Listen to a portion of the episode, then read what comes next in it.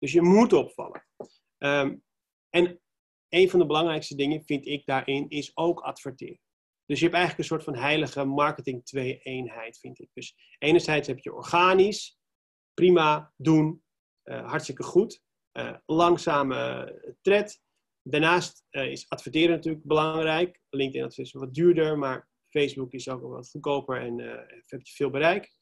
En dan komen mensen in je cirkeltje en dan wil je mensen in je cirkeltje houden met e-mail marketing bijvoorbeeld. Dus hè, je krijgt mensen naar je toe, je zorgt dat mensen naar je toe gaan, je probeert ze in je cirkeltje te houden, top of mind te blijven met e-mail marketing. Dat is een beetje het cirkeltje waar mijn expertise om draait. Um, nou, dus ik zei al, mijn visie is dus dat je entertainment moet zijn, maar dat hoeft niet per se te zijn dat je een rood jasje aandoet of altijd grappig moet zijn. Als je een serieus bedrijf hebt, betekent niet dat je communicatie saai hoeft te zijn. Kan ook inspirerend zijn of uh, dramatisch. Nou, en daar moet je dan dus het contentplan op loslaten. Dat is de visie van de relatiemarketeers. Opvallen, top of mind blijven met een creatieve invulling. Nou, het is tien voor tien. Je weet nu mijn visie. Um, ik zou graag over willen gaan tot het uh, Q&A gedeelte. Dus als je een vraag hebt, hoe de meeste van iedereen die hier zit wil groeien, wil nieuwe klanten, of wil misschien upsellen, of is totaal niet zichtbaar. Hoe word je zichtbaar? Wie heeft en wie is zo uh, uh, um, vrij om te beginnen? Of zal ik kiezen? Of wil iemand zijn hand opsteken? Saskia. Ja, tuurlijk. Ik heb wel wat vragen aan je hoor. Ja. Um, maar misschien eerst een, een, vraag aan je voordat ik met een idee kom, zeg maar. Want daar loop ik zelf zo tegenaan. Hè? Want je hebt het steeds over e-mail nieuwsbrieven. Ja. Ik krijg er echt tig in mijn box. Ik word er helemaal moe van. Met al die tekst. Naast dat ik natuurlijk ook nog inhoudelijke nieuwsbrieven krijg. Waar alle juridische eh, Ja. eh, input zit. Wat je dagelijks natuurlijk bijhoudt. Omdat je bij moet blijven met je vak. Hè? Dus dat zijn abonnementen die je dan hebt, waardoor je zorgt dat je elke keer up-to-date bent. Dus ik lees me helemaal suf.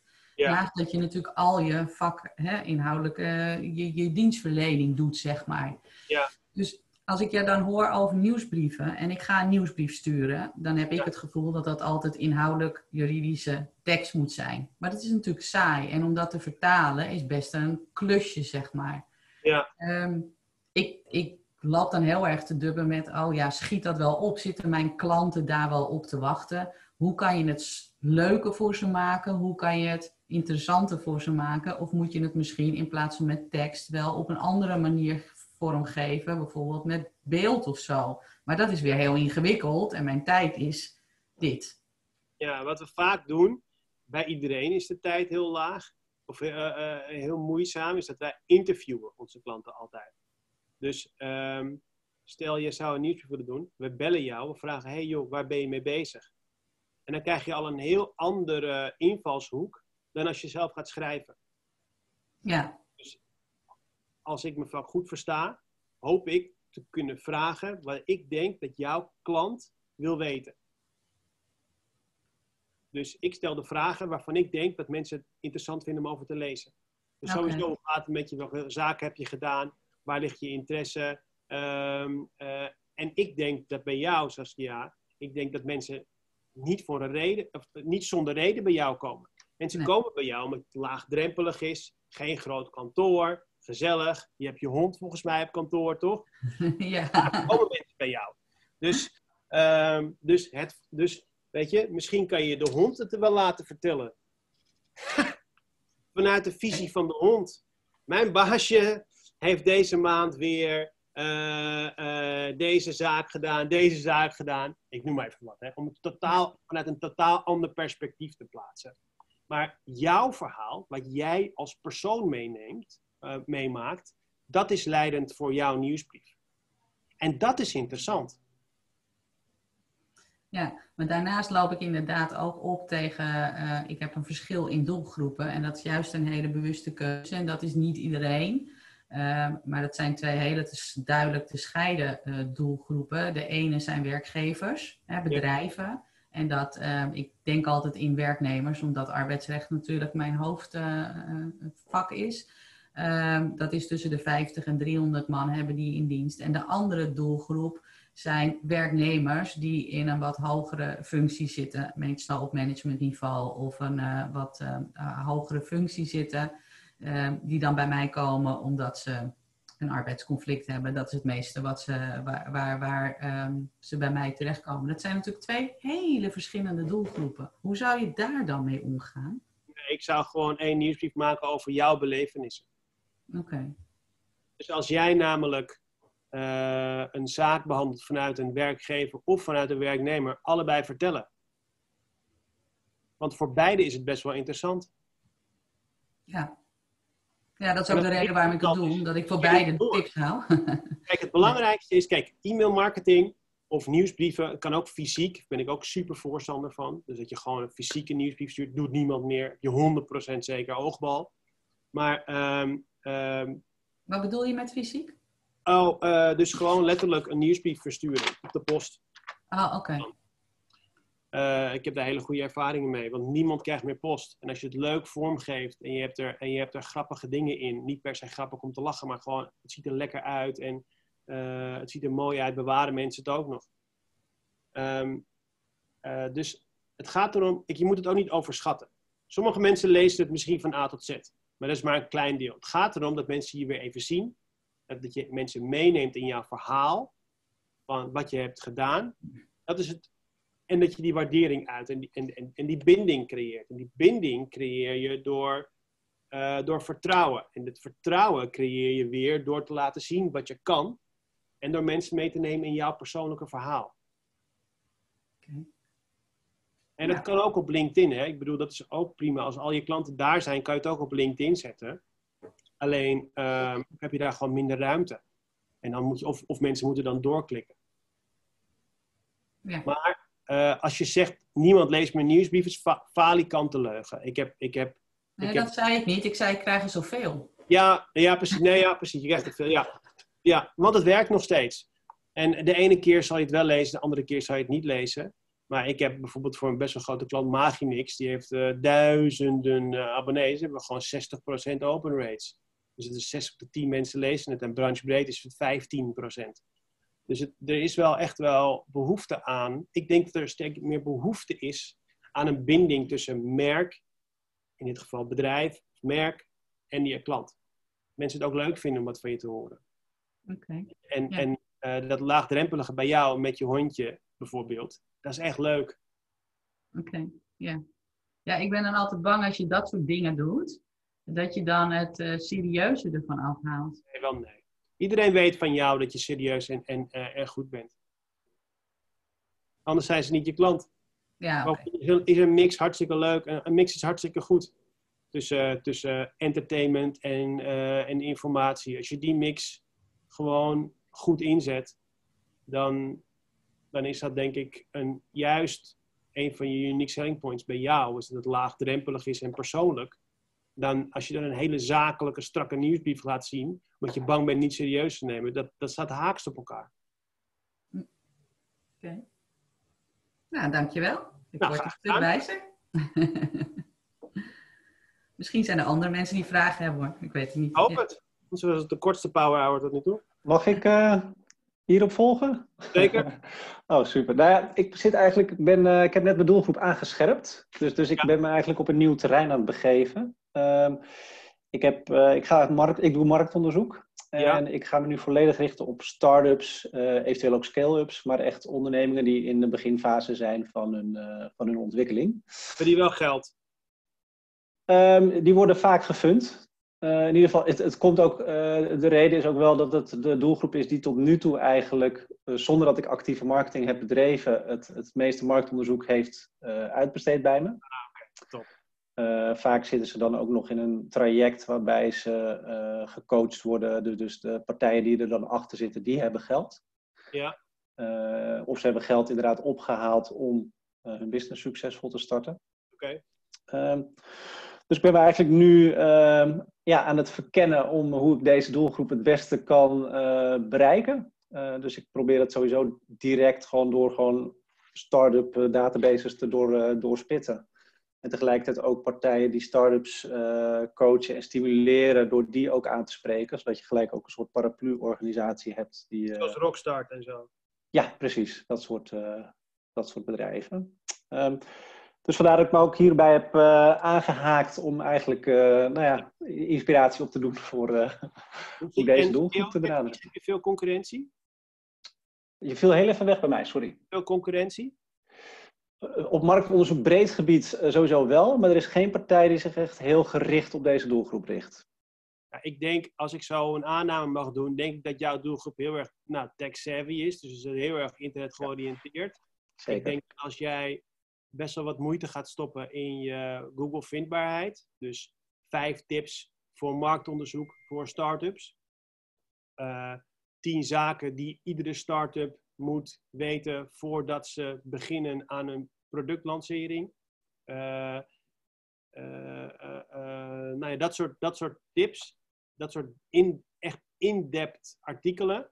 Als je die gaat schrijven, daar ook gewoon echt veel tijd aan besteedt, zal je daar denk ik wel op gaan gaan ranken. Ga ook kijken naar de keywords waar nu op gezocht wordt. al zijn het er maar 10 of 20, is, maakt echt niks uit. Hè? Want je hebt best wel een niche-markt. Ja. Dat zou ik sowieso doen. Dus probeer dan ook gewoon voor jezelf een lijst te maken met onderwerpen die, waarvan jij denkt die interessant zijn. Publiceer elke week één artikel. Dat je echt veel tijd en moeite in stopt. Zet die op je website en deel die op alle kanalen die je kent. Dus ook op Facebook, ook op Instagram, ook op LinkedIn, ook op Twitter. Misschien kan je zelfs een filmpje van jezelf maken waarin je het gewoon voorleest. Hè? Dus je hm. leest gewoon je artikel voor, je neemt een filmpje op, je zet het op YouTube. Als jij 10 of 20 artikelen hebt geschreven over dit onderdeel, dan denk ik, dan heb je sowieso natuurlijk een bepaald soort autoriteit gecreëerd. Ja. Uh, op LinkedIn, ben je, als je LinkedIn-artikelen schrijft, dus misschien heb ik het verkeerd hier doen, haak in als ik, als ik, als ik lieg. Uh, Jeroen Frank bedoel ik. Uh, op LinkedIn-artikelen zijn ook door Google worden best wel goed gevonden. Dus wie weet dat dat nou ook nog voor wat dingen gaat. En, en nodig mensen en ga gewoon mensen linken op LinkedIn waarvan je weet dat ze start-ups bezig zijn. Ja. Ik denk dat dat een hele basic start is van je marketing. Ja. En qua, is dat voldoende al? om te doen. Ja, dat is uh, zeker, zeker. Uh... En pak het zo breed mogelijk uit. Ik vind dat content wordt vaak nog te beperkt gebruikt. Dit heb ik niet zelf bedacht, dit is overigens idee van Gary Vaynerchuk. En ik doe dat zelf ook. Bijvoorbeeld, uh, Benjamin die is nu hier stage aan het lopen en die zegt, Hans, je hebt eigenlijk veel te weinig volgers op Instagram. Ik zeg, oké, heb je gelijk in. Maar wat gaan we daar aan doen? Hè? Zijn, nou, laten we die marketingbegrippen doen. Dus ik ben, maak nu bijvoorbeeld, wat is content marketing? Wat is een SWOT-analyse? Wat is een uh, LinkedIn-artikel? Dat soort posts. Maak ik een filmpje van. Maar toen dacht ik, ja, oké, alleen een filmpje op Instagram is leuk. Maar ik zet het ook op YouTube. Ik maak er ook een blog van. En, ik zet het, en dat deel ik ook weer misschien soms op LinkedIn. Dus, en misschien neem ik het ook wel op als audio, als podcast. Dus dan heb je één artikel, maar wel helemaal uitgeperst. Uh, op alle platforms ben je dan vindbaar. Dat is wel interessant. Wat ook een goed idee is. Um, er is vast een podcast over startups. Zeker. Mail ze onophoudelijk totdat je, totdat je daar aan tafel komt. Ja. Gewoon hardcore erin. Gewoon gaan zeggen: hey, ik ben de marktonderzoeker voor, voor, voor startups. Ik heb een geweldige referentiecase die ik met jullie wil bespreken. Wanneer mag ik komen? En als het echt niet lukt, kijk of je er een keer voor moet betalen. Al is het maar 100 of 200, misschien wel 500 euro. In zo'n podcast, daar luisteren ze allemaal naar. Zeker. Ja, nee, is een leuk, uh, leuk instrument. Ik, overweeg, ik, ik, heb, ik heb nog een andere side business uh, waar ik ook podcasts voor overweeg. Maar dat. Uh, ja, dus ik, ik ga de apparatuur waarschijnlijk sowieso aanschaffen. in die zin. Dus om dat goed in, te, in te richten. Dus ja. uh, voor deze doelgroep had ik nog ineens in gedachten. Maar, nou ja, probeer. Leuk kijk, dat je erover begint. Ja. Een podcast starten is hartstikke leuk. En ik heb ook een paar podcasts opgenomen. Maar je kan beter proberen te liften op andermans platform. Hm. Daar, zit, daar zitten de luisteraars. Voordat jij iets gecreëerd hebt waar mensen naartoe gaan komen, zijn we eigenlijk al bijna te laat met die podcast. Qua uh, organische volgers opbouwen. Mag ik een aanvullende vraag stellen? Wie luistert de podcast? Heel veel mensen luisteren de podcast. Oké, ga Jeroen lachen. Nou, ik heb geen idee. Ik heb er nog nooit tegen geluisterd. Nee, maar wat ik laatst heb gehoord over podcasts, ook weet je, je hebt vaak helemaal geen geduld om echt continu naar het beeld te kijken. Maar een podcast kan je doen terwijl je andere dingen aan het doen bent. Dus op de fiets of, of in de auto. Dus ik, ik vind het een hele goede om van, eigenlijk van video's ook podcasters te maken. En zeker voor de doelgroep van Ewoud natuurlijk, want dat zijn over het algemeen jonge, slimme mensen. Die zijn continu bezig met zelfontwikkeling. We zitten in een heel raar tijdperk waar al die youngsters helemaal gek worden gemaakt door alle Elon Musks van deze wereld. Die zijn alleen maar bezig met kennis vergaren. Bijvoorbeeld zo'n uh, hele bekende podcast is van Tim Ferriss. Hij heeft ja, een boek geschreven. ook. Ja. gaat alleen maar over hoe maak je je leven zo productief mogelijk. Oh. En hij heeft al 400, 500 podcasts geluisterd, gemaakt. En er luisteren miljoenen mensen naar, echt waar. De wereld gaat voor je open, hè? Dat is heel interessant. Maar dat soort podcasts, als je daar komt, dan, dan heb je meteen een following. Bijvoorbeeld Eindbazen, Ewout is ook misschien wat voor jou. Want, Ken ik ook. ja. ja. Maar vaak is dat wel betaald. En je hebt wel meteen een vette... Kijk, nogmaals hoor, en dan hou ik erover op. Maar als je bijvoorbeeld bij Eindbazen erin kan komen, ben je ook meteen een superautoriteit. Als je bij, of bij BNR of bij... Um, uh, of misschien bij Ali B, die nu dat nieuwe gebeuren heeft met zijn... Uh, Ali B heeft nu ook een soort van mastermind-achtige business gelanceerd waar die mensen helpt om uh, zichzelf beter te maken. Nou, okay. gaat hij, hij zal vast ook misschien een podcast gaan beginnen. Marktonderzoek is. Daar, daar hoor ik nooit wat over.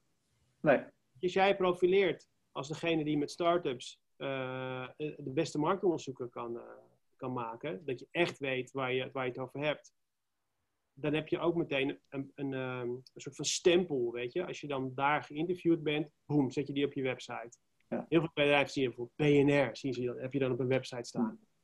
Oké, ze zijn een keer geïnterviewd door BNR, maar toch wekt het wel weer vertrouwen.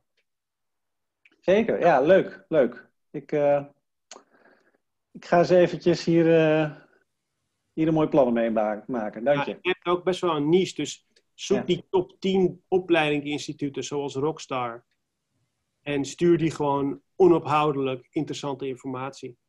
Ja. Per post, per mail. Dat is, het, aan de ene kant is het natuurlijk heel rottig als je in zo'n niche zit. Aan de andere kant is het ook heel lekker. Je kunt heel snel de man worden.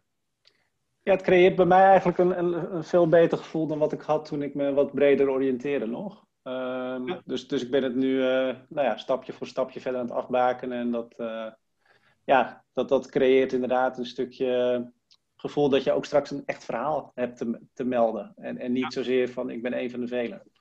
En reviews, hè? Verzamel je reviews van je werk bij je huidige klanten? Uh, vaak quotes. Uh, ja, dus quotes en cases doe ik. Ja, ja. dat is top. Ja. Oké. Top.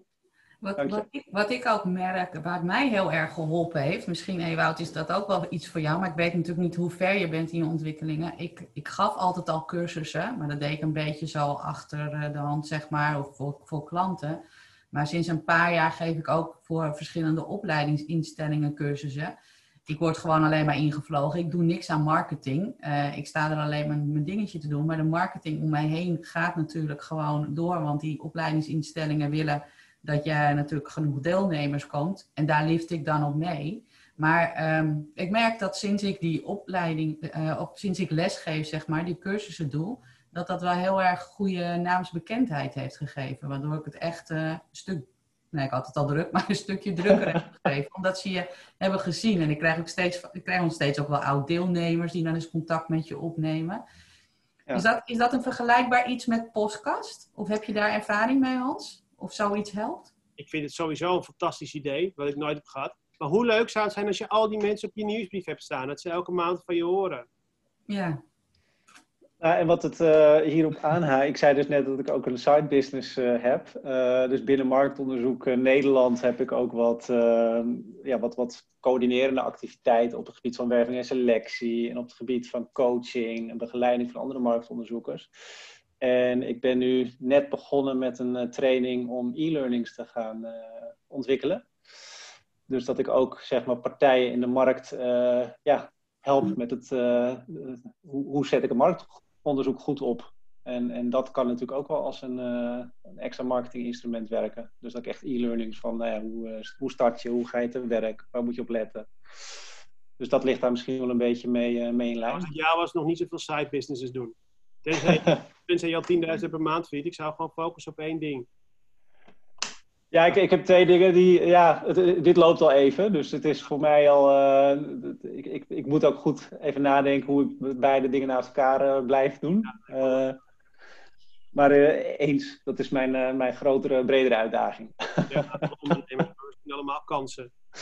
ja. Toch? Ik zou het gewoon focussen totdat je, dat je echt een goede boterham aan één ding verdient. Dan, kan je, dan pas, vanuit mijn ervaring in ieder geval Totdat je echt goede boterham aan één ding verdient, kan je pas aan, aan iets anders gaan denken. Maar goed, je zou weten natuurlijk. Ja, het is een, wat breder, breder ding bij mij, maar dat, uh, dat, dat, dat, gaat goed komen. Oké. Okay. Wie heeft er nog meer een prangende vraag dat je denkt, nou, dit moet ik weten?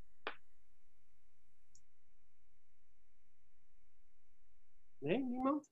Nou, ik heb, ik heb geen, nou, op dit moment nog geen vraag, maar misschien komt hij nog. Ja. Maar want wat ik eigenlijk even wou zeggen. Um, nou, ik heb echt twee dingen. Eén heb ik een heel leuk voorbeeld, heel actueel. Ik had um, uh, nieuwe kozijnen en daar hoorde hoor bij. En half, dat waren ze vergeten, die order. En nou, fijn, een half jaar later komen ze alsnog omdat ik even reclameerde. En ik kreeg gisteren, ja, eergisteren alweer, onverwacht een bos bloemen waarvan ik geen... Ik was niet thuis, dus ik werd bij de buren verzorgd. Ik denk, hè, van bloemen, weet je wel, van wie, ik ben jarig, uh, ik weet van niks. Maar goed, dat was dus van hun, van die, van die leverancier. Gewoon omdat ze, ja, een beetje voor het overlast wat ze dan vonden. Nou, dat vond ik zo, zo top eigenlijk. Dus dat wil ik eigenlijk even zeggen. Ja. En ik vind het ontzettend jammer dat je afgestapt bent van het originele eerste idee. dus uh, ja, want ik, ik snap heel goed hoor, dat het zo weer barstig is. Maar ik denk inderdaad echt dat dat gewoon heel, als je daar, dat ook een stukje van je missie is om bedrijven daar bewuster van te maken, dan vind ik dat gewoon top. Weet je, want dat is echt origineel, zeg maar. Dus dat had ik even zeggen. Ja, maar het was zo weinig geld te verdienen, Miro. Ja, nee, dat snap ik heel goed, maar misschien niet achterhoofd, weet je. Want ik denk wel om bedrijven daarin mee te nemen, weet je. En ja, was het moment niet rijp, weet je, dat soort dingen, dat ervaar ik ook continu, weet je. Maar het is wel een keigoed idee. Dus ik, uh... ja, ja, en het was ook hartstikke leuk. Maar het, was, het is ook maar even, uh, noem je dat, een, uh, een, blik achter de schermen. Elk origineel ding wat je bedenkt, is natuurlijk geen relatiegeschenk. Dus je bent alleen maar continu aan het rekenen. Oké, waar kan ik dat vandaan halen? Hoe zit dat dan met de prijzen? Is het in goede voorraad? Is het in, dus het is zo. En projectmanagement, ik gaat niet zo goed, hè? Oké, okay, dat weet ik niet. Nee, dat weet ik ja. Dus misschien dat het nu beter zou zijn, maar het is zo ontzettend veel werk. Ja, maar misschien bedoel ik dat ook niet helemaal concreet dat je een relatie moet doen, maar het idee, de missie van dat persoonlijke, weet je, dus ja. of nou, ja, de relatie moet je misschien aan iemand anders overlaten, maar ik bedoel meer inderdaad wel het idee van, ja, om bedrijven daarin mee te nemen, wat je eigenlijk, waar je verhaal hartstikke goed mee begon. En dat daar gewoon te weinig besef is, dat het gewoon nog niet in DNA zit. Dat bedoel ik eigenlijk. Dat, je het gewoon, dat, dat je missie wordt, dat het wel in de DNA zit. Ja, nee, dat is waar. Dat is een goede om weer eventjes, uh, dankjewel, om weer even wat meer, uh, meer aan te doen. Ja. Okay. Nou, misschien heb ik ook wel een leuke case. Um, ik ben, um, nou, moet ik even, ook even kort toelichten. Ik ben sinds um, anderhalf jaar probeer ik een bepaalde draai, of tenminste, ik wil ook twee, ik doe twee sporenbeleid. Ik heb uh, Wim Werkt, voor wie dat niet weet. En Wim werkt dus heel veel verschillende dingen op de arbeidsmarkt. En de belangrijkste is uh, recruitment marketing. Uh, waarbij kleinere werkgevers helpen om hele goede mensen binnen te halen. Maar zeg maar anderhalf jaar geleden ben ik een nieuw label gestart. En dat heet MKB Innovatie Support. En dat komt voort uit het feit dat ik eigenlijk altijd voor mezelf altijd aan het ontwikkelen ben. Ook met een marketingbril om origineler, hè, anders dan andere dingen te doen. Maar ik hou dus wel heel erg van hele goede werkproces. Om dingen heel efficiënt en effectief te doen. Dus ik combineer dat een beetje met elkaar. Ja. Um, nou, ik, ik wil twee sporen houden, omdat ik Wimmelwerk niet wil opgeven. Maar goed, door wat er nu gebeurt met corona, staat Wimmelwerk wel echt even on hold. Want op dit moment zit uh, niemand te wachten op uh, nieuwe medewerkers, of maar heel weinig bedrijven. En die mensen zijn er toch niet, dus daar ga ik me ook niet aan wagen. Um, maar goed, met MKB Innovatiesport begin ik wel op op gang te komen. Ik heb nu een opdracht voor twee dagen per week uh, als database marketeer. Maar ik wil graag, één wil ik van mijn, een beetje van mijn oude imago afkomen. Michal die nu werkt, dat is één. en de andere is van, ja, om mezelf daar toch mee in de markt te zetten. Dit is, dit is, meer, dit is echt uh, mezelf toch wel als ZZP'er dan verhuren. Hè? Dus ik, uh, ik, uh, ja, ik wil gewoon ter plekke, want dat is ook een behoefte van mij. Ik wil er graag weer ergens bij horen, in opdracht van een ander. Hè? Nou, dat is niet een opdracht van een ander, maar vanuit de vraagstelling van andere dingen bedenken en die dan ook daadwerkelijk tot een goed einde brengen. Wie is dus, mijn doelgroep is, is het kleinere MKB, maar moet uh, ja, die, die echt wel uh, ja, nou ja, innovatie gedreven is. Die zegt van ja, dingen lopen niet goed genoeg. Ik wil, of ik wil een koerswijziging, of ik wil dingen beter op orde hebben. Maar het kleinere MKB, ja. Dus aannamen die bestaan al wat langer. Het zijn niet de start-ups, niet de startende. Ja. dus de, dus de, de eigenaar is ook wat ouder. Dat hoeft niet, maar dat hoeft helemaal niet. Maar Nee? Ja, de kans, ja, wel waarschijnlijk. Ja, wel waarschijnlijk. Ja. ja. Oké. Okay. Ja. Nou, waar, uh, waar zitten die? Want ik denk dat, dat het. Is er, is er veel. Is die behoefte latent? Of is die behoefte er echt? Dat gaan mensen echt op zoek? Weet je, moet... nee, ik denk dat die latent Ik denk dat bijna iedereen er tegenaan loopt. Hè? Dat je dingen blijft doen zoals je ze doet, omdat je geen tijd hebt of geen tijd neemt om ze beter te doen. Ja. En dan niemand vrij wil kan maken, maar ook dat mensen vaak ook een beetje bedrijfsblind zijn. Hè? Dus het is altijd goed om iemand vers van buiten te halen die gaat onderzoeken en gaat vragen aan de mensen van ja, waar loopt, wat loopt er niet goed en waar zit het. Hè? Dus dat je achterhaalt waar de problemen zitten en die dan gaat oplossen stapsgewijs. Ja. En ik ben heel erg uitvoerend. Hè? Ik ben niet een adviseur die binnenkomt, nou, dan, dan moet je dat zo doen. Nee, ik, ik doe het hele project. Ik, ik neem ze mee daarin en stap voor stap ja. verbeteren. Ik een bedrijfscoach eigenlijk. Want... Nee, geen coach, juist niet. Nee, ik ben echt de uitvoerende. Maar ik kom binnen om, om een bepaald project, uh, wel marketing en HR gerelateerd, uh, te gaan doen. Dus nee, heb je, al, heb je er al eens aan gedacht om bedrijfscoaches uh, te benaderen? Om te, want bij bedrijfscoaches weet ik dat vaak oh, en maar ook niet alleen bedrijfscoaches, hè, ook PricewaterhouseCooper-achtige organisaties, die gaan vaak ergens heen, schrijven ze een heel mooi rapport, en er wordt van alles nog wat bedacht en iedereen is enthousiast, en dan gaan ze weg en dan ligt dat rapport op de plank. Absoluut, ja. ja. Dus, ja. Uh, en daar is die behoefte al voor, uh, uh, aan, geformuleerd. Er is al een probleemstelling gedefinieerd er is al iets gemaakt, alleen moet iemand het nog uitvoeren. En daar ontbreekt het vaak aan bij die organisaties. Zeker. Mijn eerste idee zou zijn, ga eens, ga eens kijken of je mensen kent binnen die PwC-achtige wereld. En misschien kleinere, ook Boer en Kroon bijvoorbeeld. Of uh, is dat een Boer en Kroon? Ja. En, uh, is toch failliet? Oh, Boer en Kroon failliet. Was die niet failliet nee. of zeg ik dat verkeerd? Boer en Kroon is niet failliet. Uh... Oh, sorry, sorry, sorry. Nee, maar je hebt, je hebt ook heel veel gewoon ZZP'ers ook. Alleen mijn tarief ligt gewoon best per onder wat zij doen. Hè? Dus, hè, dus ik, ik ben echt van de uitvoerende. Maar ik vind het ontzettend, ik zou het super vinden om naast iemand te kunnen werken. Ja. Die het, hè, en die dan, nou ja, ik heb nogmaals vanuit die vraagstelling dan de oplossingen gaan, gaan be bedenken en ook doen. Als je begint bij bewustwording, hè, want zo gaan alle koopcyclussen gaan zo, hè? Nee, je moet mensen bewust krijgen van een bepaald probleem. En, en als ik het zo hoor, weet ik niet of iedereen daar zich heel erg bewust van is. Tuurlijk lopen mensen er tegenaan. Als mensen er pas echt bewust van zijn, dan, is het, dan komt eigenlijk jij pas ja. van, uh, uh, binnen. Dus als je al die bewustwording hebt gehad, je hebt al die doelstelling geformuleerd, en dan heb je iemand nodig die uitvoert, dat heb ik nog nooit gehoord. En dat is misschien wel interessant, want dan kan je dus de bedrijven gaan benaderen die die plannen maken. Die zijn inderdaad vaak duur. Vaak is er dan misschien helemaal, er is geen budget om die grote bedrijven dat ook te laten uitvoeren. Dus dan is een, een uitvoerder uh, wel interessant. En dan heb je een hele andere doelgroep die veel makkelijker te benaderen is, Michal. Want dan heb je een, niet, de, niet de eindgebruiker, maar de plannenmakers. Toppie Hans.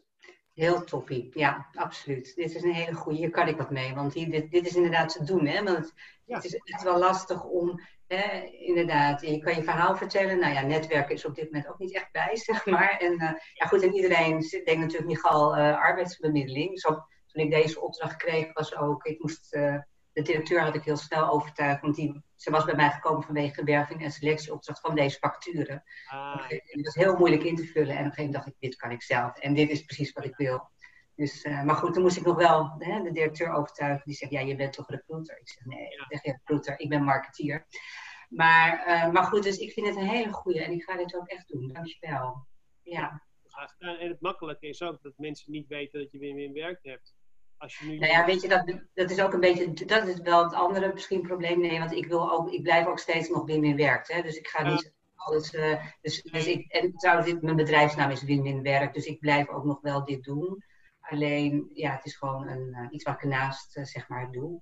Maar, maar goed, dit is gewoon echt super. ehm, eh, en ik heb inmiddels dus ook al iets op het, want dat is ook natuurlijk het probleem met opstarten. Je moet eerst iets op je track record hebben, maar gelukkig heb ik nu mijn eerste opdracht waarmee ik dus een track record al heb, zeg maar. Dus eh, ja, ik vind het een hele goede. Ik ga dat eh, zeker eh, op die manier doen. Hé Wout, ik heb ook nog een idee voor jou.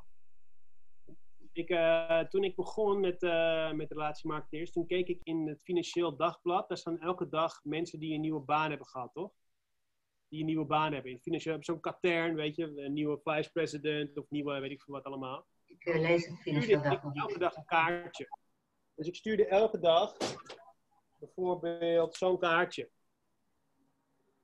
Dat is leuk. Oh, kijk. Ik, gefeliciteerd met je nieuwe functie, zet hem op. Mocht je, en dan niet eens, mocht je, mocht je marketing nodig hebben. Nee, gewoon alleen maar, hey, gefeliciteerd, eh, zet hem op. Als er is vast een plek online waar alle gefunde start-ups eh, toch worden getoond. Als iemand een funding heeft gehad, pam, kaartje, postzegel erop. Geweldig, gefeliciteerd, zet hem op. Eh, vriendelijke groet, Ewoud. Ga ze vanzelf wel kijken op je website. Sterker nog, ik was op een gegeven moment bij Booking.com.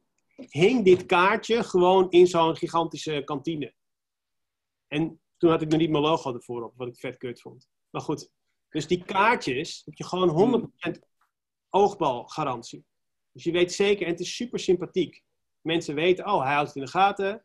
Oh, hij stuurt een leuk kaartje. Aardige gozer, ik ga toch even kijken. En daarna kan je altijd op LinkedIn nog eventjes die mensen... hey, hallo, eh, eh, dit is Ewout. Welke, welke kleuren zijn je logo? Blauw-grijs. Nou, doe je een knalblauw kaartje met een grijs, eh, grijs dollarteken erop. geweest in je funding. En dan, eh, eh, eh, hey, eh, met de Ewout van het blauwe kaartje. Ik vind het leuk dat je je funding hebt gehad eh, bij deze. Wil ik graag met je gelinkt zijn. Boom. Hier. Ja, leuk.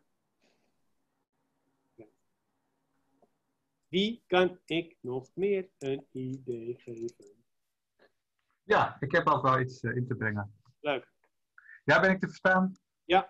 Hartstikke goed. Eh, ik ben advocaat, eh, weer terug in Amstelveen na enige jaren in het oosten te hebben gewerkt. Ehm, als ik naar mijn eigen praktijk kijk, dan staat die toch wel voor een belangrijk deel uit eh, cliënten die dus met een vrij bijzondere zaak zitten. En, maar Ja. dat zijn vaak cliënten die dus ja, eenmalig komen. Hè? Dus, dus dan moet je denken aan bedrijven waar een crisissituatie is, conflicten met een bank of conflicten tussen aandeelhouders.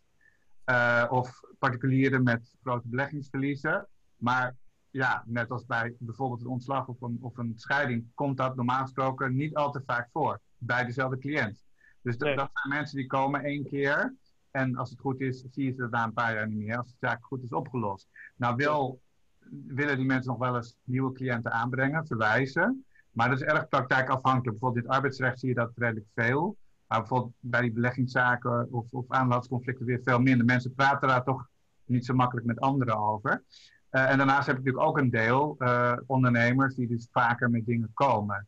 Maar als ik kijk naar mijn eh, marketing, en met name relatiemarketing, dan zijn dat denk ik toch wel ja, heel verschillende groepen. Omdat in het ene geval heb je te maken met een vaste cliënt die regelmatig met dingen terugkomt.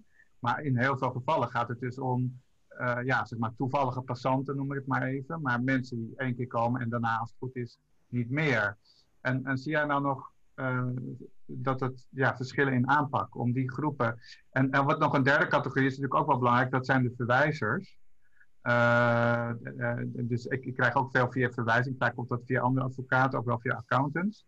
En ook daar heb je eigenlijk een groep mensen die, ja, die jou toevallig kent en toevallig een keer doorverwijst. Maar ik heb bijvoorbeeld ook een aantal, ja, dat zijn bijvoorbeeld oud-kantoorgenoten van, van vroeger, hè, vroeger op de Zuidas, sorry, eh, die dus ja, door, regelmatig doorverwijzen, met name omdat mijn tarieven natuurlijk lager zijn dan op de Zuidas.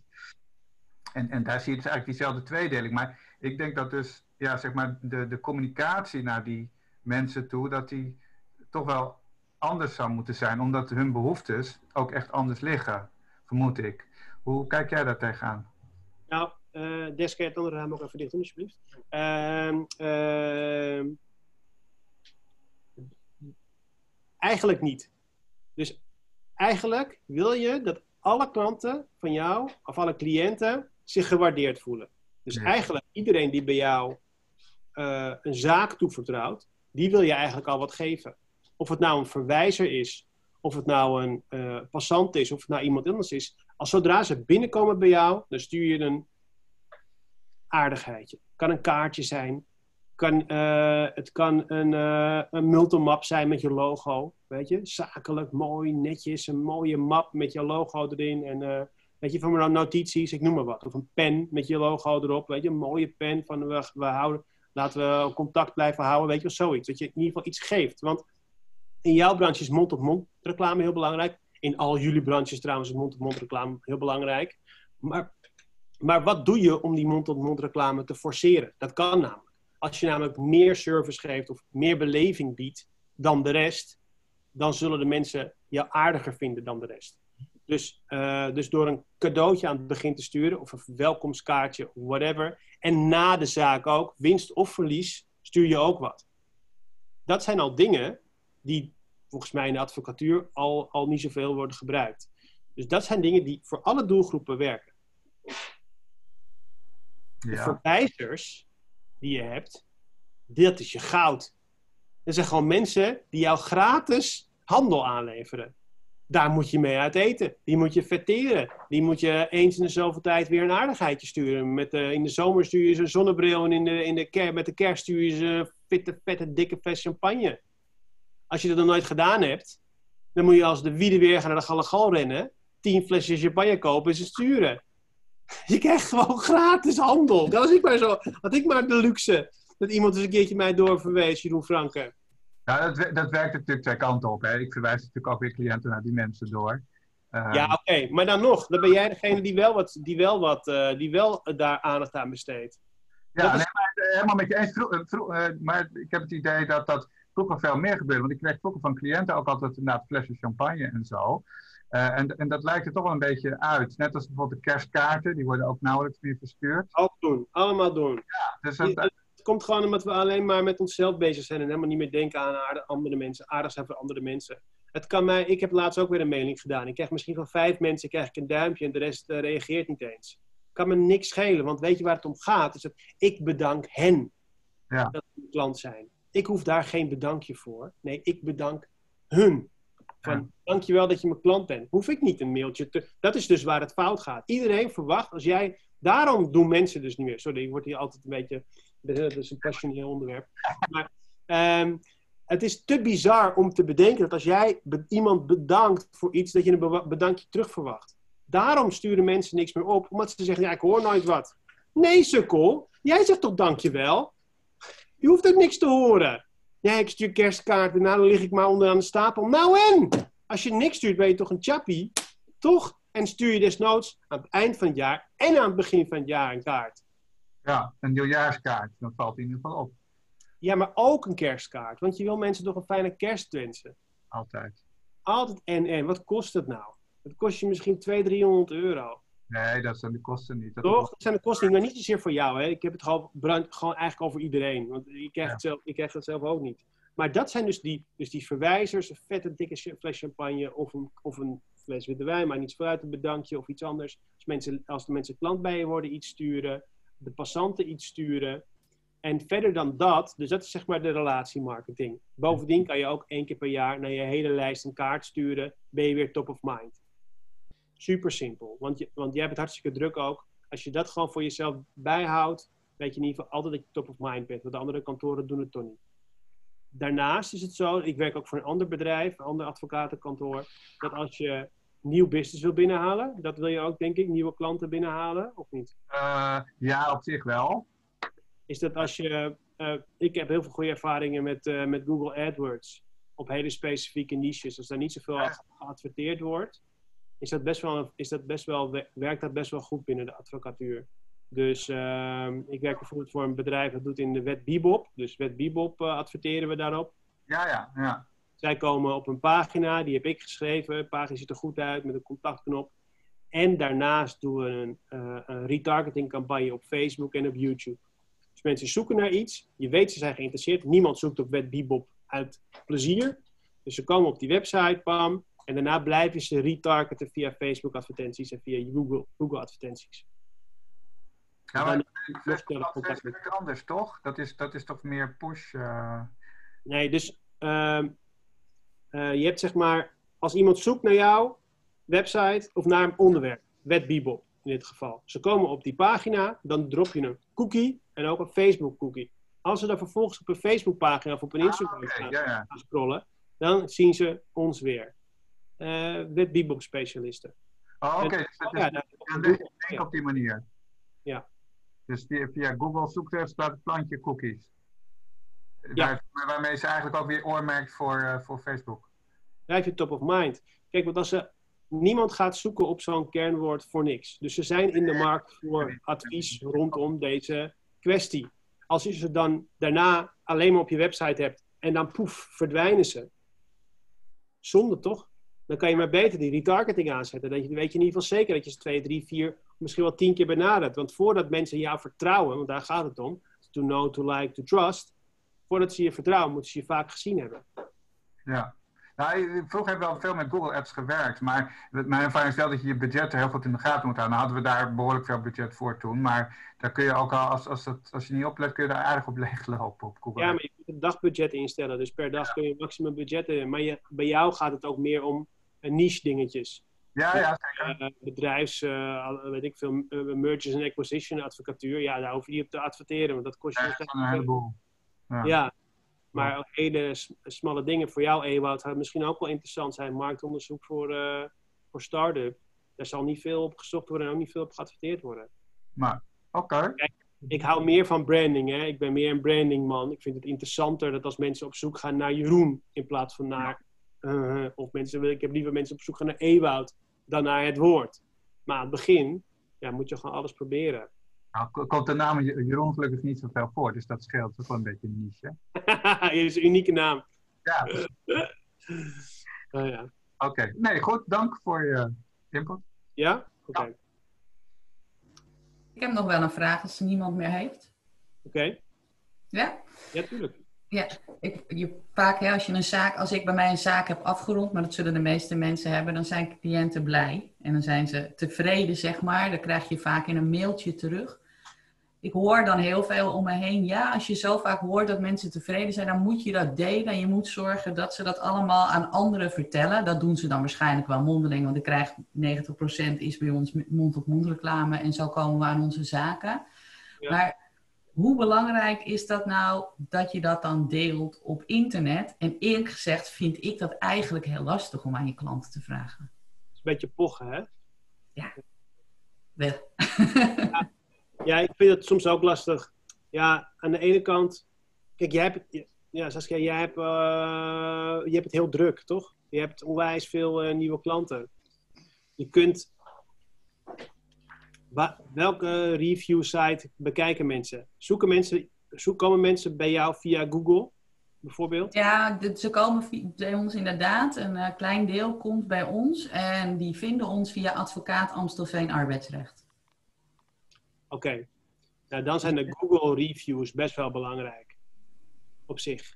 Kijk, Ja. want je krijgt gewoon een lijstje met een aantal advocaten dan. Staat daar één review achter. Ja. Tuurlijk, het, als ze allemaal één of twee reviews hebben met vijf sterren, oké. Maar heb jij dertig reviews met vijf sterren, zullen mensen toch op jou gaan klikken. Want zo werkt, werkt ons apenbrein nou eenmaal. Ja. Dus eh, een Google review is, kan één zin zijn. En ehm, je kunt als je in Google Mijn Bedrijf zit, kun je mensen dus kun je gewoon kijken bij reviews en dan kun je, eh, kun je op een knop klikken En dan wordt er automatisch een mailtje vanuit jou verstuurd. Hey joh, zou je alsjeblieft op deze link willen klikken en een review willen achterlaten? En dan moet je dat niet één keer doen, maar twee keer. Want mensen vergeten het altijd. En met zo'n reminder denken ze, oh ja, shit, Saskia had me zo goed geholpen.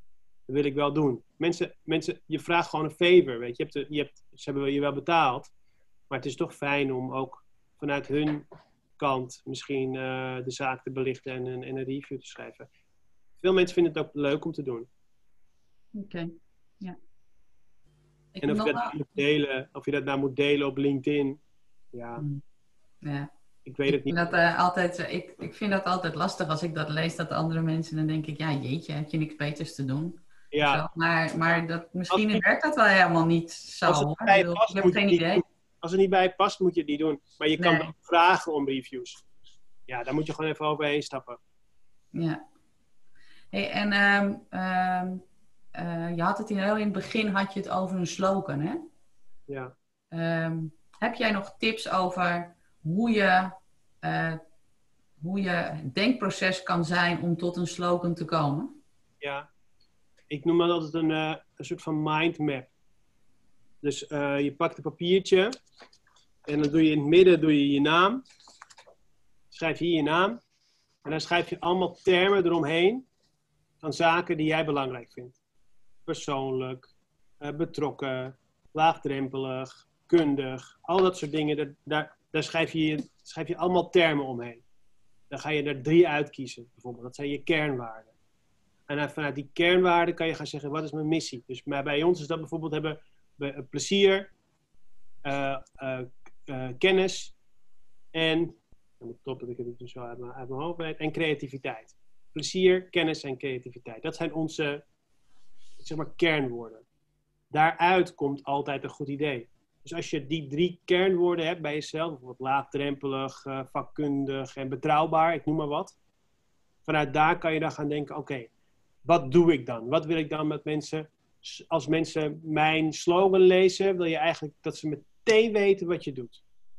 Dus Kokadvies heeft een hele goede slogan. Dat is een onbezorgd financieel leven of zo, toch, Jeroen Franke? Le le leef je leven met financiële rust.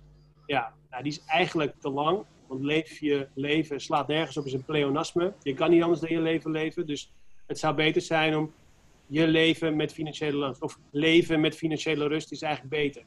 Maar uh, dan zeg je wat je doet. Dus bij jou zou het zijn, je neemt de belofte van onbezorgd en tevreden werknemers of zoiets. Of uh, juridische hulp op. Uh, weet je, ja, nou, ga je al, zie je. Ja. ik ben pas, uh, ik ben pas 23 jaar advocaat, ik heb hem nog steeds niet gevonden. en, heel apart. Als ik hem nu uit mijn mouw zou schudden, zou ik hem godzonde zijn. Maar, ja. maar zoiets, ja, het is echt een pak apart. En, en, en je begint dus bij je klant, dus niet bij jezelf. Dus je begint nee. bij wat wil, wat wil ik dat zij denken. En vaak beginnen bedrijven bij hunzelf. Uh, uw partner in. Dear Lord. Weet je, het adres van. Ik heb laatst een content marketingbureau gezien. Zei, het content marketingbureau van Nederland. Tering, nou dan ben je echt creatief arm. Als je het of uw of de doet, dan uh, moet je het zo, dat moet je sowieso niet doen. Dat is, dat kan, dat is niet uniek. Oké. Okay. Okay. Nou, oké. Okay. Ga ik, ik ga aan de mindmap. ja, ja, en dan moet je gewoon, en als het niet zelf lukt, dan moet je gewoon een bureau inhuren en creatief. Yes. Daar ben ik niet per se uh, voor, hoor. maar uh, ja, toch? Ja. Heel goed. ja. Nou, mooi, dankjewel. Oké. Okay. Nou, ik denk dat we hem wel uh, hebben.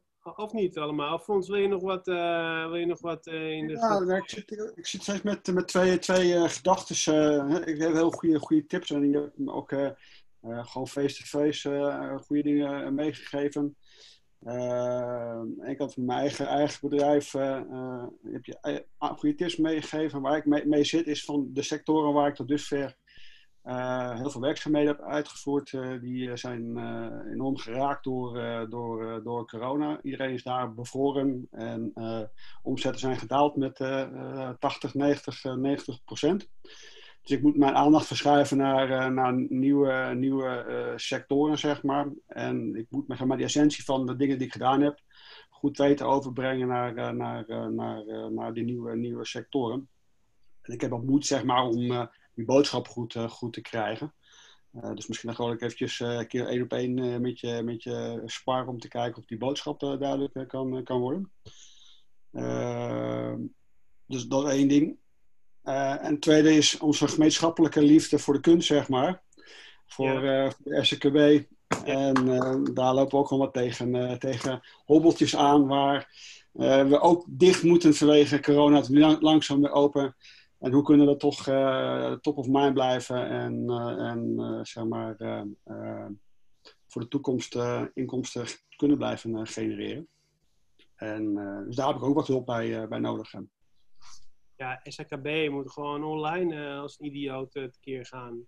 Ja, Ja. Ja. We hebben een Ja. fysieke nieuwsbrief, wat ik heel leuk vind om te ontvangen. Ja. Maar, dus, maar budgetair vraag ik me af of dat nou de juiste invulling is voor jullie budget. Wat is Ja. SKB? Ja, eh, Stichting eh, Kunstlokaal, we zijn, eh, het is voor mij vrijwilligerswerk, hè, maar voor heel veel mensen, eh, het is een eh, pand aan de Oude Kerkelaan. Dat verhuren wij aan eh, kunstdocenten. En ik zie bijvoorbeeld een mooi kunstwerk bij, eh, bij Lea achter, eh, achter op de muur hangen. Docenten die... Toch, heb je zelf toch gemaakt, Lea? Het kunstwerk? Sta je niet. Grapje. In ieder geval, eh, eh, eh, we verhuren de ruimte aan docenten om kunstles te geven, workshops en dergelijke. En we, we zijn gewoon open om, om dat mensen kunst kunnen bedrijven, schilderen, kleien, beeldhouden, whatever. Maar dat moest allemaal dicht. En, en nou ja, we versturen een nieuwsbrief naar onze vrienden. De doelgroep die eh, vrijwillig is, die zijn allemaal boven de, boven de 50, 60. Dus ze zijn niet zo, eh, nog zo eh, eh, effectief en efficiënt met sociale media als ons bijvoorbeeld. Ah, nog meer kunstwerken. Nou, eh, dus we hebben genoeg potentie, denk ik. Maar ja, het komt nog niet helemaal uit de verf, denk ik. Uit de verf. Ha! Ja, sorry. Ja, goed, ja, daar is gewoon eh, Facebook nummer één. Want jullie doelgroep is iets ouder. Die wil je ook gewoon iets ouder houden. Er is helemaal niks mis mee. In mijn beleving zit 50, 60 plus de hele dag op Facebook. En eh, daar moet je gewoon aanwezig zijn. Gesponsorde posts. Zoveel mogelijk, zo vaak mogelijk. Live video's bij, eh, bij de lessen. Foto's maken. Zorg dat je één iemand hebt die het leuk vindt. Daar moet je gewoon naar op zoek gaan. Desnoods zet je daar een beetje budget in. En gesponsorde posts. 5 euro per post, 2 euro per post. In en om Amstelveen, richting 50 tot 60, pl- 65 plus. Ja, je- jullie hebben een content goudmijn. El, Ja. Elk ding wat gemaakt wordt, moet online. het is eh, Ja. makkelijker kan ik het niet maken. Ja. Ja, ja, dat is eigenlijk super simpel. Alleen je moet iemand hebben die het doen. En je moet mensen gewoon continu achter een reet aan zitten. En- Maar dat moet ik ook met mijn bedrijf. En Jeroen Franken zal het, zal het beamen. Content is niet eens soms het probleem. Het gaat om die Nee, en, en, en dat, is, dat is bij ons Doen. Dat is, dat is bij ons het probleem. Eh, dan komt het op mij eh, terecht. En, eh, ik heb Ja, oké. mijn eigen lucht houden. Dus, eh, Ja. Ja, dan is het continu zoeken naar, naar, naar iemand die je kan helpen daarbij. ja. Nou, Want een bureau inhuren is, is denk ik te duur. sorry? Een bureau inhuren is denk ik te duur. Ja, ja. Nou ja, we hebben wel budget hoor. Maar, maar goed, ik zag, we hebben natuurlijk geen heel veel geld op dit, op dit moment. Ik bedoel, eh, Koopsignaal, Hans, actie, doe iets. Koopsignaal, ik hoorde hem. Nee hoor, nee, nee, nee, nee. Ik denk, ik, nee, ja, ik zou, ik zou, je weet, voor mij helpt voor ons al, weet je. Dus, ehm dus ik Nee, ben grappig. wel betrokken bij, ja, nee, maar ik denk dat, ja, wil je, er moet gewoon meer aandacht komen voor jullie eh, product, voor de Ja. diensten. En hoe doe je dat? Ja, ja dat is online. Weet je, maak een, maak een filmpje, laat de beeldhouw juffrouw eh, iets over zichzelf vertellen. Ja. Weet je? Als ik zie beeldhouwen staan, denk ik, ja, oké, leuk. Maar zie ik degene die het beeldhouw, de beeldhouwcursus geeft en wat ze kan en hoe het eruit ziet en dat het gewoon laagdrempelig is en dat ik een beetje kan eh, klooien met wat klei en dat het heel mindful is, kan ik me maar voorstellen. Nou, ik denk dat daar echt wel behoefte aan is. Zeker weten tegenwoordig dat het ook een gezellig clubje is voor, laten we even aan, met aannames dat het voor de vrouwen is over het algemeen. Gezellig clubje is, misschien nog een wijntje daarna. Weet je, misschien eh, kan je eh, bij alle restaurants in Amstelveen kan je een foldertje neerleggen, weet je wel. Maar dan niet een foldertje beeldhouden dinsdagavond van, 9, van 1900 tot 20 uur. Nee, de foto van die vrouw erbij, foto van de les, met, de, met, wie, met wie kom je daar. Het is veel meer dan alleen het creatieve. Het is het, het, is het community, die community die je wilt eh, gaan scheppen daar, toch? Ja. Nou ja, afgelopen, afgelopen week waren we toevallig eh, bij een uitzending van eh Pretty, Pretty Single, geloof ik. eh ging een stel ging voor het eerst kennis maken en dan gingen ze schilderen. Ik denk, nou, moeten we daar iets mee bijvoorbeeld?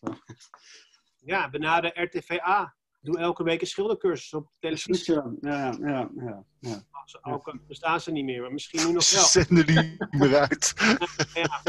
Kijk naar, ga naar de gemeente, vraag of jij de, die frequentie mag hebben. Ik bedoel, het staat nu leeg. Ja, dat is waar. Weet Ja. je, ik bedoel, tegenwoordig met een iPhone kan je, prima, kan je een prima uitzending maken hoor. Ja.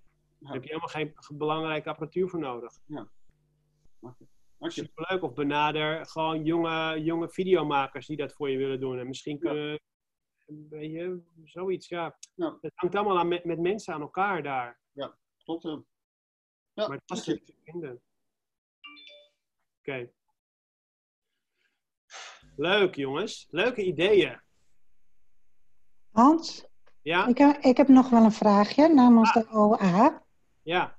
Eh, heel specifiek, nu we hier toch zitten met eh, een afgevaardigde van de leden Ja. eh, en met jouzelf natuurlijk. Ja. Eh, als wij kijken naar onze nieuwsbrief eh, van de OA, Ja. heb jij nog tips eh, wat je erin zou willen zien? En hebben de andere leden nog tips? Altijd. Ik mis Wat altijd zeg je? het verhaal van Darshan. Oké, De nieuwsbrief hartstikke goed. Ik denk dat de open rates hartstikke goed zijn. Maar ik heb wel eens vaker, Darshan maakt zoveel mee. Zij zit, ik weet echt niet wat zij doet de hele week. Ik denk dat bijna niemand hier, behalve Hugh Franke, weet wat Darshan de hele week doet. Maar ze zit bij de gemeente, en misschien Saskia, maar ze zit bij zoveel dingen aan. En eh, natuurlijk zie je wel eens wat voorbij komen op LinkedIn en Facebook. Maar een verhaal van de afgelopen twee weken of afgelopen maand zou ik wel willen lezen. Ik denk dat meerdere mensen het willen lezen. Zeker ook als je de nieuwsbrief gebruikt als, eh, als nieuw business tool, waarbij je de oude leden en de nieuwe en de prospectleden ook opzet. Dan wil je zien wat kan de OA doen. Wat, hoeveel, nou ja, laten we zeggen, hoeveel macht de OA heeft. Dat weten mensen helemaal niet. En ook misschien ook wel wat succesverhaaltjes her en der tussendoor van de leden. Die Ja. elkaar hebben leren kennen en daardoor is een hele leuk. Bijvoorbeeld Han en ik, nou, dat is misschien een stom voorbeeld en misschien is het al uitgekoud, maar het is een leuke samenwerking die we hebben. Nou, dat is best wel Zeker. leuk om de- in de, in de nieuwsbrief te zetten. Ik denk dat Jeroen Franke met heel veel mensen heel leuk contact heeft. Best wel leuk om erin te zetten. Misschien, nou, misschien jullie allemaal.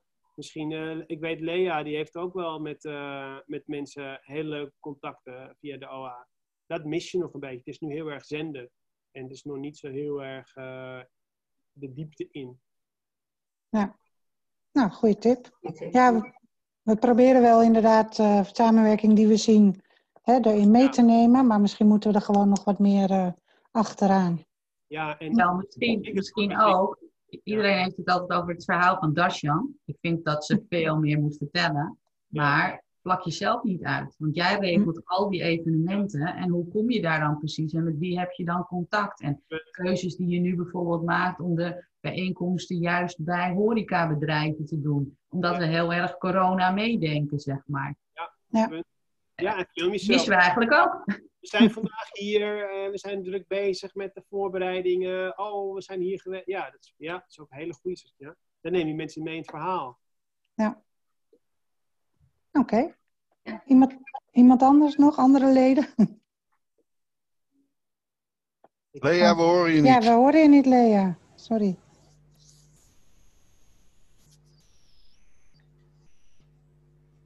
Ik heb nog wel een vraag.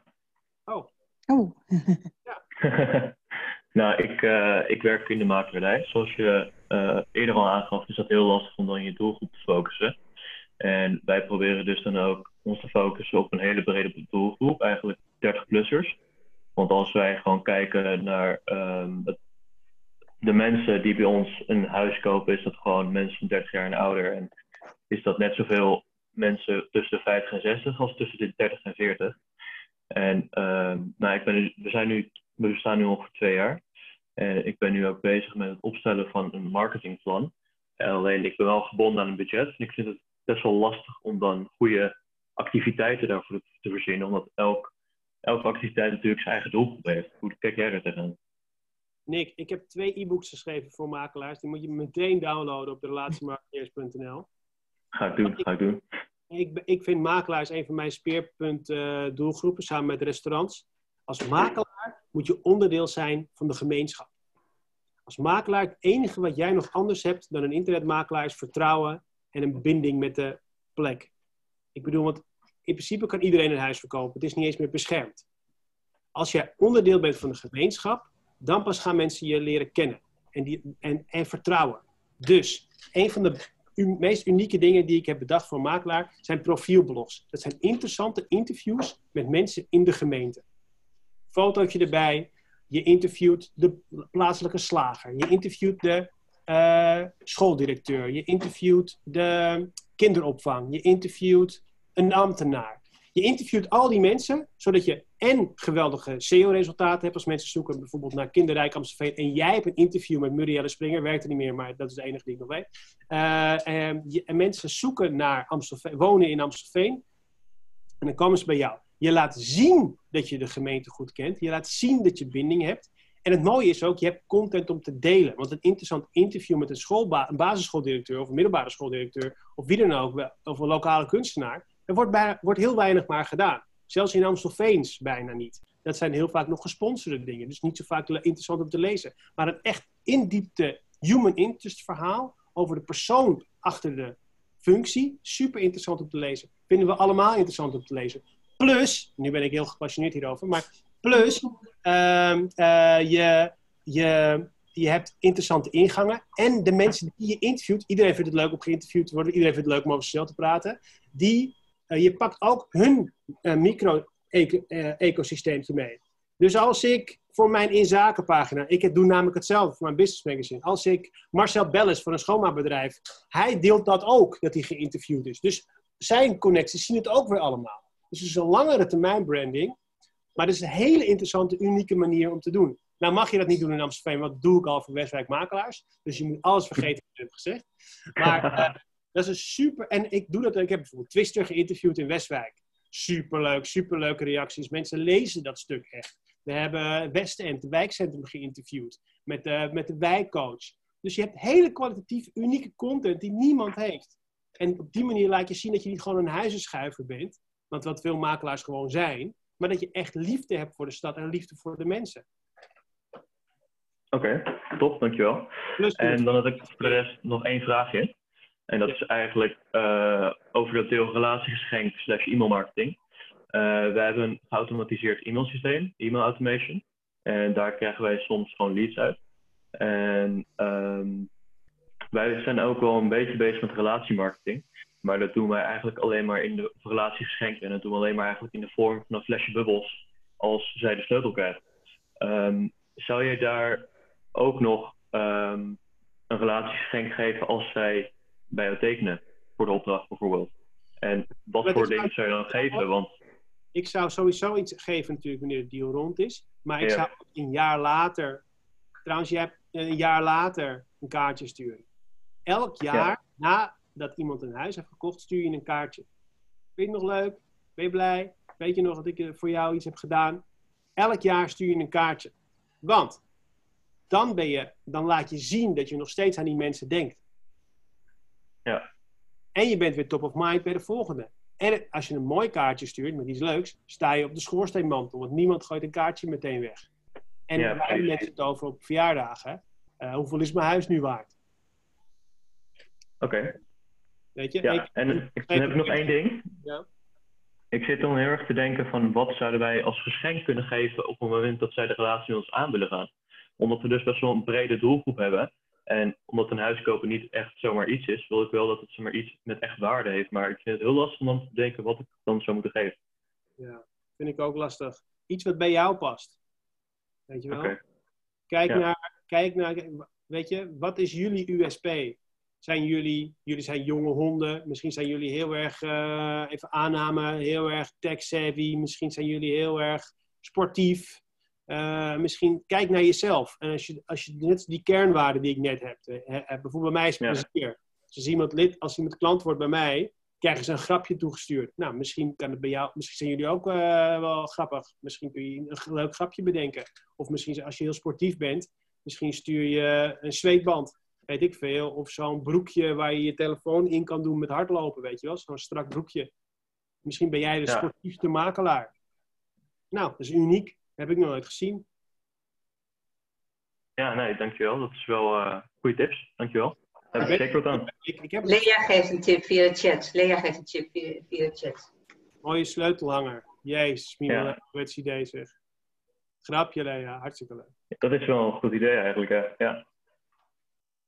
Nou, top, dankjewel. Anders moet je Lea even bellen ook nog. Dan meteen. Ja, misschien wel. Oké. Nou, ik vond het super leuk. Iedereen hartstikke bedankt voor de, voor de vragen en de openheid. Mocht je nog een vraag willen stellen, kan altijd. Je kan ook altijd langskomen. Vrijdagmiddag hebben we altijd een borrel hier op kantoor. We hebben een klein barretje, dus je kan altijd een biertje komen drinken. Mocht je je eh, geroepen voelen, kan altijd gezellig. Ik vond het super, Hans. Dankjewel. Echt heel creatief, heel eh, interessant. Dankjewel. Graag Heel gedaan. erg gehad, hè, Hans. Dank je. Dankjewel Hans. Dank je. Heel erg bedankt, Hans. Doei doei. Doei, Dag doei. iedereen. Fijne dag wensen. Doei, doei.